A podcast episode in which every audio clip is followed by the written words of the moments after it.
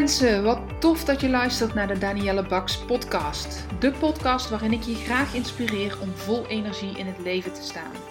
Wat kun je doen om meer werkgeluk te ervaren? Hoe kom je erachter welk werk nu echt bij je past? En op welke manier verover jij dan jouw droombaan? Luister vooral verder als jij meer wil weten. Ik heb er zin in, dus laten we gauw beginnen.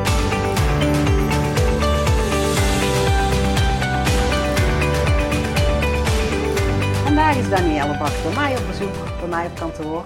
Ehm, dit is inmiddels de derde podcast die we samen gaan opnemen. We hebben superveel leuke reacties gehad op onze vorige podcasts. Dus we gaan vooral door. Yes.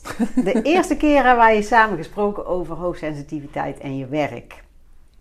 Uh, wat betekent het voor je als je behoefte hebt aan vernieuwing? En wat heeft dat te maken met jobhoppen?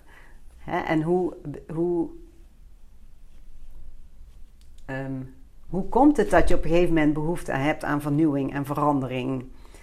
De tweede keer hebben we het gehad over integriteit en over je eigen waarde kennen. En vandaag willen we het graag gaan hebben over: ga je op je werk kenbaar maken dat je hoogsensitief bent? En wat betekent dat dan voor je?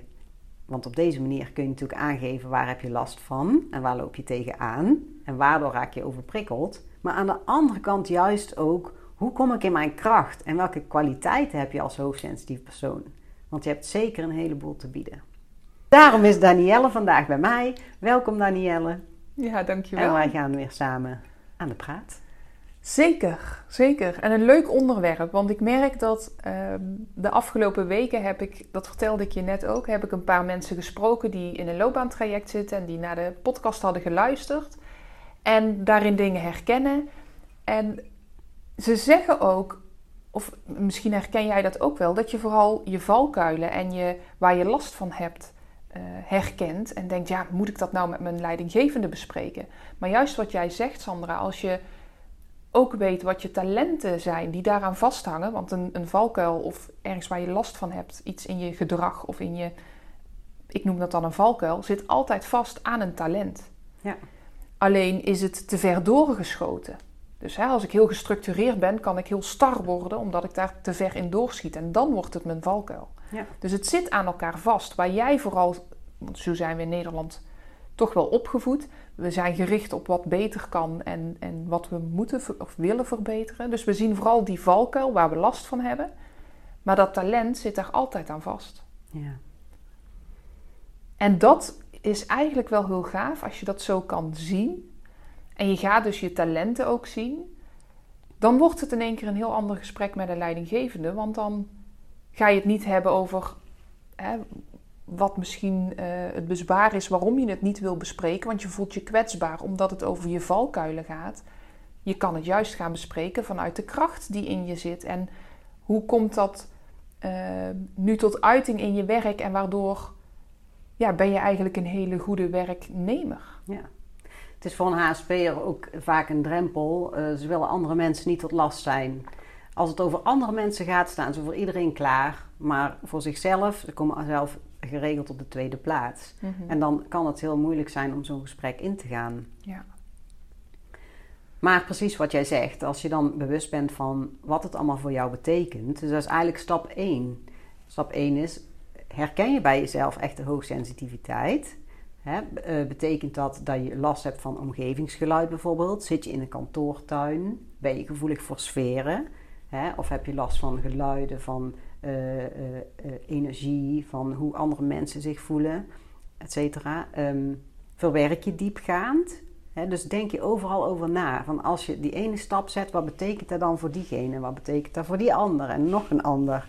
En daar kun je urenlang mee bezig zijn, bij wijze van spreken, van wanneer doe je het goed? Um, dus, dus, dus dat is natuurlijk deel 1 van, van waar, uh, waar gaat je batterij op leeg? Waar heb je dan ook daadwerkelijk last van?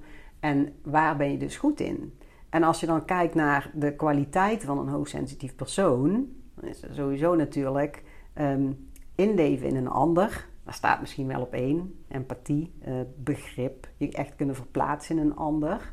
En de sfeer willen bewaken. Dus ja, een harmonieschepper. Maar dan niet alleen. Uh, hoogsensitieve personen hebben ook oog voor details en zien het grote geheel. Dus die kunnen heel goed alle stukjes aan elkaar plakken en daar een, ja, een compleet je, iets een, van een maken. compleet iets van maken. Hè? En, en ja, ze kunnen gewoon supergoeie en creatieve ideeën hebben, maar ze hebben wel eventjes de tijd nodig om daarover na te denken. Een hoogsensitief persoon heeft een stop- en check systeem. Dus in principe op het moment dat al die prikkels allemaal binnenkomen, dan worden die verzameld in het hoofd, om het zo maar te zeggen. En dan is er even een moment nodig om al die bedrading aan elkaar te koppelen. En dan komt er een gedegen antwoord of een gedegen idee. Ja. En als je dat van jezelf weet en je kunt dat kenbaar maken aan je leidinggevende, dan zal er ook eerder begrip zijn. Maar het is natuurlijk ook zo van hoe, hoe veilig voel jij je bij je leidinggevende of je HR-manager en in wat voor bedrijf werk jij. Een hoogsensitieve persoon is denk ik zeker gebaat bij een bedrijf waar het gaat om mensen, een sociale stuk. En puur het zakelijke, ja, dan, dan is er geen betekenis of geen diepgang. En het zal lastig zijn als je een HR-manager hebt die heel star is en ja, uh, puur zakelijk zal het misschien wel lastiger zijn om het bespreekbaar te maken en om er begrip voor te krijgen dan iemand die al zelf misschien ook hoogsensitief is of meegaand is. Mhm. Dus in die zin is het dan de vraag van ja, wat ga je doen? Ja. Ja, en ik ben even aan het denken terwijl je dat zo vertelt. Uh, een HR-manager, je zou zeggen, hè, human resource. Dus ze zitten op de, de afdeling die het goed doet, voor de, of goed doet, die het regelt voor de werknemers. Dan zou je toch bijna denken dat zijn meegaande personen. En dat zijn mensen met empathie. Nou, ik heb ook gemerkt dat het niet altijd zo is. Dat er ook hele zakelijke mensen zitten die gewoon het beleid uh, willen uitvoeren. Kan hè, hoeft niet. Um, en waarom ben ik daar net door getriggerd? Oh ja, omdat je ook zei in de zakelijke wereld. Zeg je dan eigenlijk dat HSP, uh, hoogsensitieve personen, dat die nooit in een zakelijke omgeving zouden functioneren of daar niet, niet, zich niet lekker voelen? Dat zou kunnen. Ik zeg niet dat dat niet zo is, maar als je kijkt naar dat een hoogsensitief persoon wel uh, behoefte heeft aan het sociale stuk uh, en ook graag die betekenis wil geven.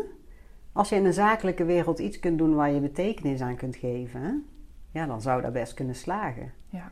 Hè, maar ik denk wel dat een HSP'er gedijt in een omgeving waar mensen wel rekening houden met elkaar. Waar er ruimte is voor, persoon, hè, voor, Voor- de persoon. Voor het persoonlijke inderdaad. Als, het, als je het echt puur alleen maar hebt op het zakelen en alleen maar op, op geld verdienen, dan denk ik dat dat niet heel erg prettig zou zijn.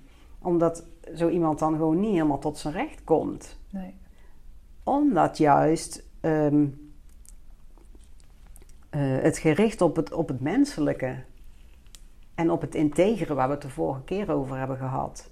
En als dat niet aan de orde is, als er geen integriteit is, en daarmee bedoel ik het puur zakelijk, dat, dat het echt gaat om de keiharde pegels en, en niet om hoe mensen zich voelen, ja, dan denk ik dat je daar wel zeker tegenaan zou kunnen lopen. Dus dat de waarden meer zijn, ehm, dat in de waarden van het bedrijf of van de collega's minder de zachte waarden, eh, minder ruimte is voor de zachte waarden en veel Ja. meer voor de zakelijke, voor presteren, voor geld verdienen, voor Ja. meer, dat stuk. Ja, ja, Ja. precies. En dan kun je ook in de valkuil terechtkomen. Inderdaad, als, als er van je verwacht wordt dat er gepresteerd wordt, hè, dan ga je maar keihard werken om aan die, eh, Aan die, aan, die, aan, die, aan die lat te voldoen. ja, om inderdaad aan die lat te voldoen. Ehm, waardoor je jezelf weer hartstikke hard voorbij gaat lopen. Ja. Want dat, dat is echt wel een valkuil als je hoogsensitief bent. Het allemaal goed willen doen voor een ander. En eh, daarbij jezelf vergeten. En dan heb je ook nog een stukje perfectionisme.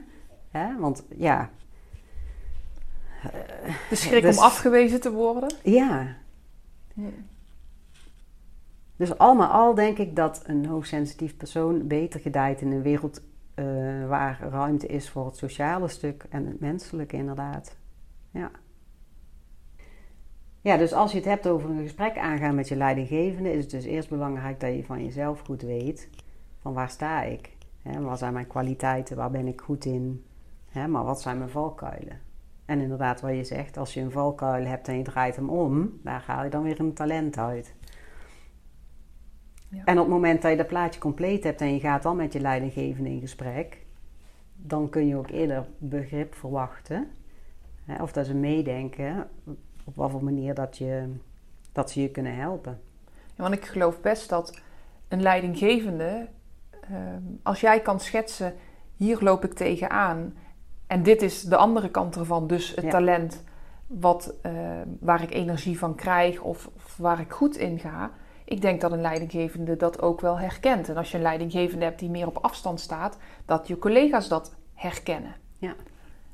Dus ik, dan zou ik bijna denken, als je een leidinggevende hebt die meer op afstand staat, wat nu ja, toch best wel uh, een beweging is die je ziet in het bedrijfsleven, dat leidinggevenden niet altijd meer precies zicht hebben op hoe jij uh, functioneert, maar dat, dat collega's dat meer hebben. Dat je misschien eerst met je collega's daarover spreekt. Ja, ja. en wat mij dan ook te binnen schiet als je dan kijkt naar de 9 tot 5 mentaliteit. Um, dat kan best wel een dingetje zijn. Als je van 9 tot 5 continu achter je bureau zit, bij wijze van spreken, en, en je hebt dan een half uurtje pauze. Dat kan wel eens niet voldoende zijn. Zeker als je bijvoorbeeld een, gesprek hebt gehad met iemand wat een behoorlijke impact heeft gehad. Uh, en waar je zeker nog over na wil denken, dan is het gewoon heel fijn als je e, bij wijze van spreken een kwartiertje naar buiten zou kunnen om eventjes je gedachten te laten gaan en weer tot jezelf te komen en dan weer verder te gaan. Daarmee voorkom je echt een heel groot stuk overprikkeling. Dan dat je maar doorgaat en, en alles tegelijk nog komt. En die geluiden van de kantoortuin, om dat dan maar als voorbeeld te nemen. Mm dus al zou je gewoon eventjes een kwartiertje tot jezelf kunnen komen, wat dan toevallig niet in je pauze past, maar je bent daarna wel weer super productief, ja, dat is voor een leidinggevende toch ook hartstikke fijn. Ja, dus, dus, wat je eigenlijk zegt is, als je uh, merkt bij jezelf, oh, ik heb nu te veel prikkels gehad of het is te vol in mijn hoofd en ik moet dat verwerken, daarvoor heb ik even rust nodig, ja. dat je dat kan aangeven bij je collega's of bij je leidinggevende, net wie dat daar goedkeuring voor moet geven. Um, van goh, ik ga heel even vijf minuten of tien minuten of een kwartiertje naar buiten. Zodat ik daarna weer fris en fruitig aan de slag kan. Ja. Want in die end zeg je, op het einde van de werkdag heb je meer, ben je, ben je productiever geweest, heb je meer gedaan als je tussendoor die pauzes neemt. Ja. Dan wanneer je maar door blijft gaan en eigenlijk ja, nog meer leegloopt en daar op het einde van de dag en minder productief was. En zelf met een vervelend gevoel naar huis gaat omdat je helemaal uitgeblust bent. Ja, en de kwaliteit van je werk wordt ook minder. Op het moment dat jij echt overprikkeld bent en jij kunt jouw hersenen niet meer gebruiken waar ze voor bedoeld zijn, om het zo maar te zeggen. Ja, dan, dan kun je ook geen kwaliteit meer leveren. Zoals je dat wel zou kunnen als je weer helemaal fris bent. Dus dat kwartiertje of die tien minuten die je dan nodig hebt, dat levert zoveel meer op. Ja. Maar ja, het, het moet wel even begrepen worden, anders ga je dat zelf ook niet doen. Ja, en hoe, hoe hoe breng je dat over dan naar een leidinggevende?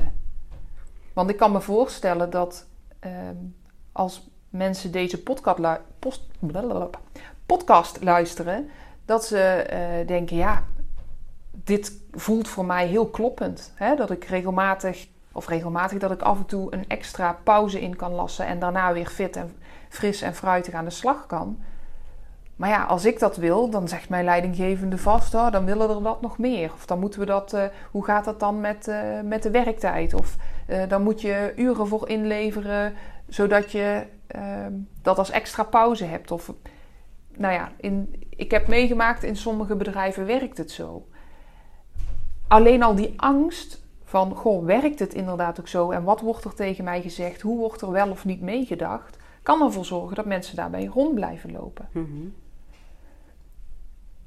als ik dan nadenk over, oké, hoe zou ik dat met mijn uh, klanten bijvoorbeeld in gesprek, hoe zou ik dat voorbereiden? Ja, dan kom ik toch weer bij dat talent terug.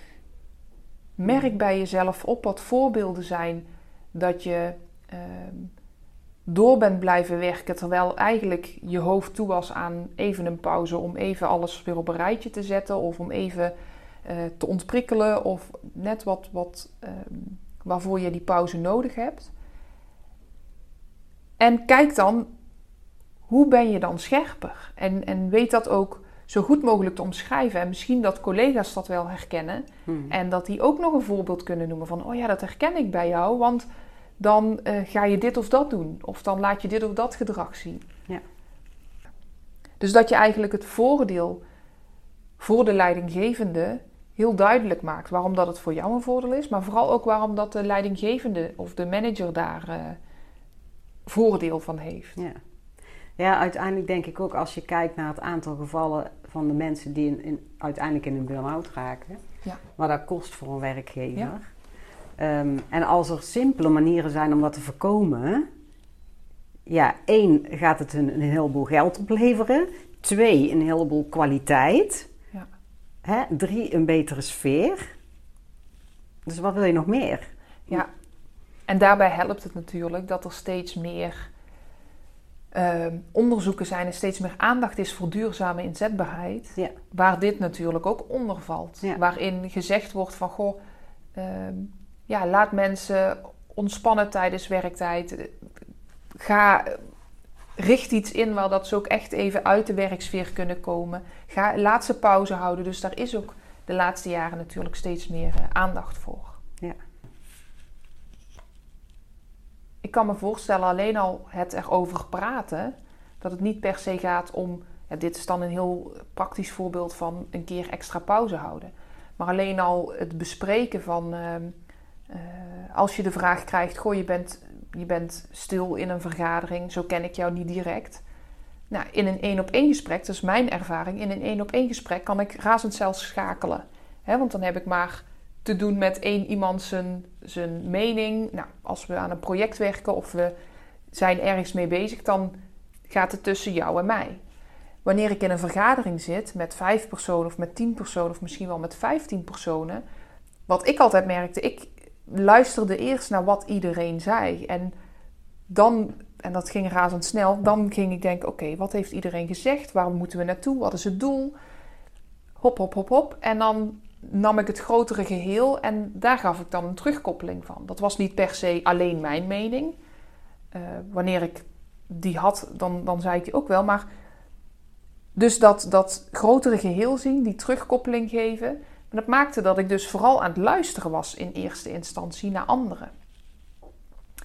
En alleen al daarover spreken met mijn, toen mijn eh, projectmanager, ehm, was dat ik zei, en daar ben ik nu pas bewust van, was dat ik zei, ja, ik ben dan aan het luisteren naar wat andere mensen zeggen. En dat neem ik allemaal mee in wat ik ervan vind. En daardoor kwam er ook meer begrip. Dus, oh, dus je bent niet stil omdat je niet weet wat te zeggen. Nee, je bent aan het opnemen. En eigenlijk wat ik deed was alles samenvatten. En steeds vanuit de hele club een, eh, ja, het geluid koppelen aan elkaar. Waar Mhm. Anderen sneller in bijvoorbeeld een discussie kwamen. Omdat ze voor en tegen de stelling waren. Ja. Dus dat was, dat zie ik nu en, en dat zag ik toen ook wel. Dat was mijn toegevoegde waarde. Van ik haal de kern eruit. Maar daar heb ik wel eerst iedereen voor nodig die iets Ja. zegt. Ja.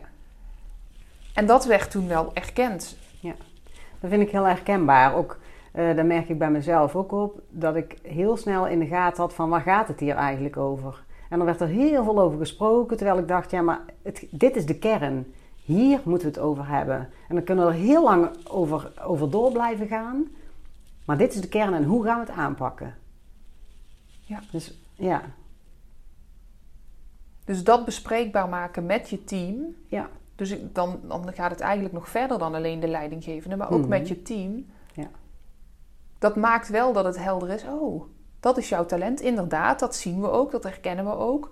Dus dan krijg je vanzelf al die rol die eigenlijk zo goed bij je past. Ja. Ja, en als je dan ook kijkt naar het stukje risico's zien. ehm, zo zie je dat bijvoorbeeld ook in de dierenwereld. Hè? Als je een groep dieren hebt, je hebt één groep dieren die valt meteen aan op het eten. En een andere groep dieren die bewaakt de veiligheid. Die kijkt of het allemaal kan en of er geen risico's zijn.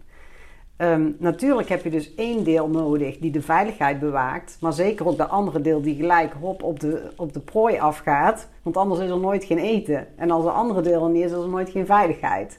Dus als je daar even terughaalt naar het hoogsensitief zijn. de, eh, de kwaliteit van het hoogsensitief zijn is dat je dus sorry, die risico's en die gevaren ziet. Dus ook daarin heb je een talent. Ja.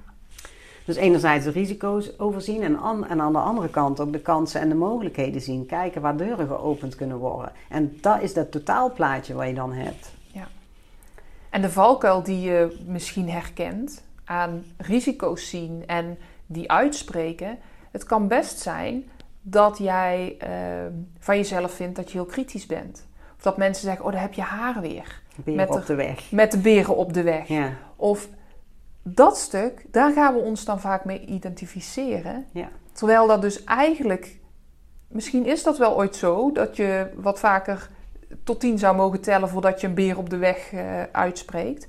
Dan zit je in je valkuil. Maar het kritische, dat jij ziet wat anderen niet zien, dat jij die risico's ziet die anderen niet zien, ehm, wil niet zeggen dat jij al, dat alleen maar bent. Daar zit dus dat talent tegen. Want als er niemand risico's ziet, ja, dan heb je dus niet die groep dieren die op de uitkijk staat. Ja. Dus zo zie je maar dat het zijn talenten. En als je erin doorslaat, dan herkennen mensen vaak juist die valkuil. Ja, ze vinden inderdaad dat ik uh, uh, kritisch ben. Of... En dat is het mooie van die talenten die vastzitten aan die kwaliteiten. Uh, die talenten die vastzitten aan die valkuilen. Het is er allebei en het hoort bij elkaar. Ja. En hoe meer jij je in een veilige omgeving bevindt, waarin jij je durft uit te spreken, hoe meer dat jij ook in je kracht komt te staan. Ja. Dus belangrijk is dat je inderdaad jezelf in een werkomgeving bevindt waarin jij jezelf kan uitspreken. En hoe meer zij weten van jou en hoe jouw brein werkt, ehm, hoe meer je die veiligheid zult voelen. Ja. Dus zorg dat je in een omgeving bent waarin jij je oké voelt. En dan zal dat stukje uh, angst voor afwijzing en, en angst om te falen minder aanwezig zijn. En dat is natuurlijk wel heel makkelijk hè. Als je zegt, zorg dat je in die omgeving bent. Want ik ken ook voorbeelden van ja, klanten die nu in mijn hoofd poppen. Die zullen zeggen, ja dat is makkelijk gezegd, maar dan moet ik echt ergens anders heen. Soms Ja. ben je in je bedrijf ehm, echt de vreemde eend in de bijt. Nou, dan denk ik weer terug aan de zakelijke wereld versus bijvoorbeeld de zorg. Ja. Als jij ehm, hoogsensitief bent, kan ik me voorstellen dat, dat, dat je je in de zorg meer thuis voelt dan in een hele zakelijke wereld. Aan de andere kant, je kunt daar zelf ook wel iets in doen.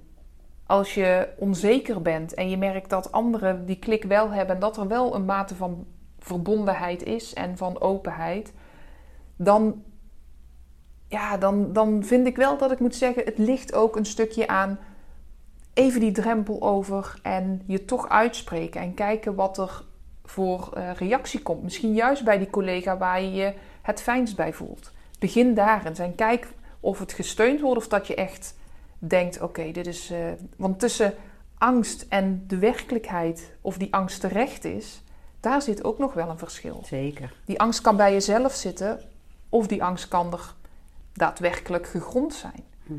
Want ehm, in de tijd dat ik nog teamcoaching deed, werd er heel vaak gezegd door teams: ja, maar het is niet veilig bij ons in het team. Ja, er is niemand die een pot veiligheid kan opentrekken en dat in een team kan gieten. Dat doe je met elkaar. Dus dat doe jij ook als individuele ehm, teamlid.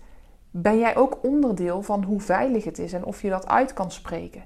Ja, dat, dat kan heel spannend zijn. En toch zou ik je uit willen nodigen om dat te doen. Want heel vaak is dat een opening ook voor anderen om te praten over wat zij in hun werk ervaren, wat zij lastig vinden of fijn vinden. En als je dat van elkaar weet, ja, dan kun je daar ook veel makkelijker ehm, gebruik maken van elkaars talenten en wegnemen wat iemand zijn energie kost en andersom.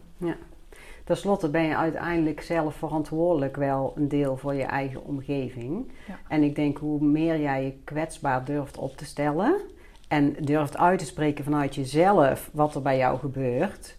Precies wat jij zegt, hoe meer dat je ook die reactie kunt verwachten van anderen. Dus deels heb je wel invloed op, ehm, op de omgeving waarin je bevindt. Ja. En als het gewoon echt niet veilig is en je voelt ook van dat gaat hier niet gebeuren omdat deze mensen zo'n anders zijn dan jij bijvoorbeeld, ja, dan is het altijd nog het overwegen waard om, eh, om een overstap te maken naar een andere plek. Ja. En daarin is dan weer belangrijk, wat zijn je waarden, waar we het de vorige keer over hebben gehad. En match daar met de omgeving waar jij je in bevindt. Ja, dus dat je eigenlijk op het moment zelf checkt: oké, hoe zit het met eh, de waarde van het bedrijf waar ik nu werk en mijn waarden? En hoe groot acht ik de kans dat mijn kwetsbaarheid daarin door te vertellen hoe ik dingen beleef en hoe ik in mijn vel zit en wat ik nodig heb uit te spreken, gaat dat tot succes leiden of niet? Maar mocht je die overstap maken, doe eerst weer die check van Ja. hoe, hoe matchen wij bij elkaar. Want als je naar eenzelfde soort bedrijf gaat, ja, dan is het de kans groot dat het opnieuw niet matcht. Ja. En daarin zou je zelfs misschien, maar dat, dat, dan wil ik ook even aan jou, naar jouw expertise luisteren. Zou je zelfs misschien tijdens een sollicitatie al aan kunnen geven wat je kwaliteiten zijn en je valkuilen, waar overigens ook naar wordt gevraagd over het algemeen. Ja, En eh, dan zou je al kunnen toetsen van, eh, is dit matching ja of nee? zeker, zeker. Dat is ook, hè, of je nu ehm, hoogsensitief bent of niet, dat is ook wat ik altijd met eh, klanten doorspreek. Hè, als je weet hoe je in elkaar zit, de eerste fase van een loopbaantraject is, is het persoonsprofiel. Nou, dat, dat is in deze, zeg jij dat eigenlijk ook. Hè? Weet hoe je in elkaar steekt. Ehm, wat je talenten zijn en wat je valkuilen zijn. Maar zeker ook wat je waarden zijn. Waarop ja, leef jij je leven? Ehm, en check dat bij die werkgever. En hoe doe je dat? Ja, een waardehiërarchie maak ik dan Ja. vaak. En in die waardehiërarchie staan dus eh 10 of 15 waarden die voor jou heel belangrijk zijn. En een waarde is vaak een containerbegrip. Hè? Bijvoorbeeld eerlijkheid. Ja, wat versta jij daaronder en wat versta ik daaronder? Daar kan heel veel verschil in zitten. Ja. Dus kijk wat ehm, die waarde voor jou betekent. Wat jij dus nodig hebt. En dan kun je daar vragen bij stellen in zo'n sollicitatiegesprek. Ehm, je kunt vaak ook iets op de website vinden of in rapporten die je ziet van een bedrijf. Of ga met mensen in gesprek die er gewerkt hebben of die er nu nog werken. Ehm, vraag waarom dat de persoon waar de vacature van is, waarom dat die persoon weg is gegaan. Is dat een promotie? Nou, dan is hij in ieder geval tevreden in het bedrijf.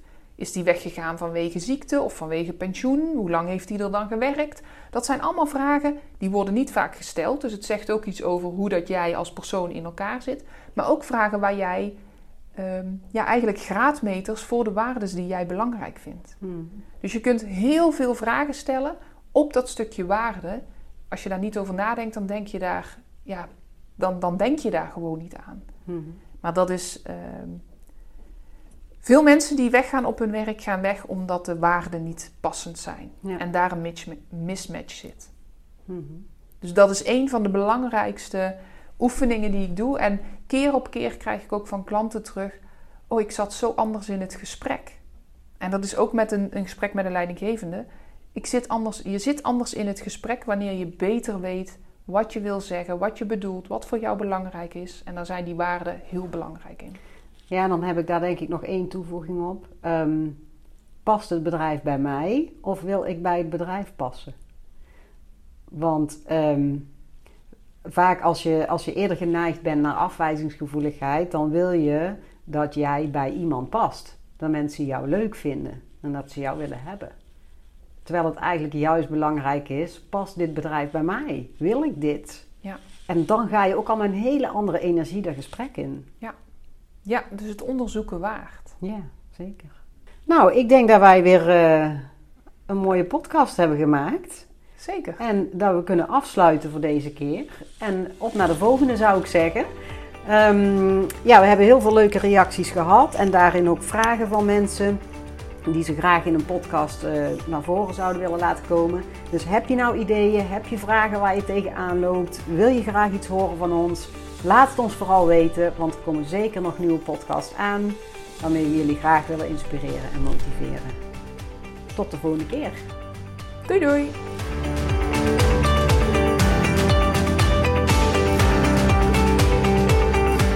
Mensen, dank je wel voor het luisteren naar mijn podcast. Mocht je deze aflevering interessant hebben gevonden, maak dan even een screenshot en tag me op Instagram Stories. Ik vind het ontzettend leuk om te zien wie er luistert en door te delen inspireer jij ook anderen. Hartstikke bedankt alvast en tot de volgende keer.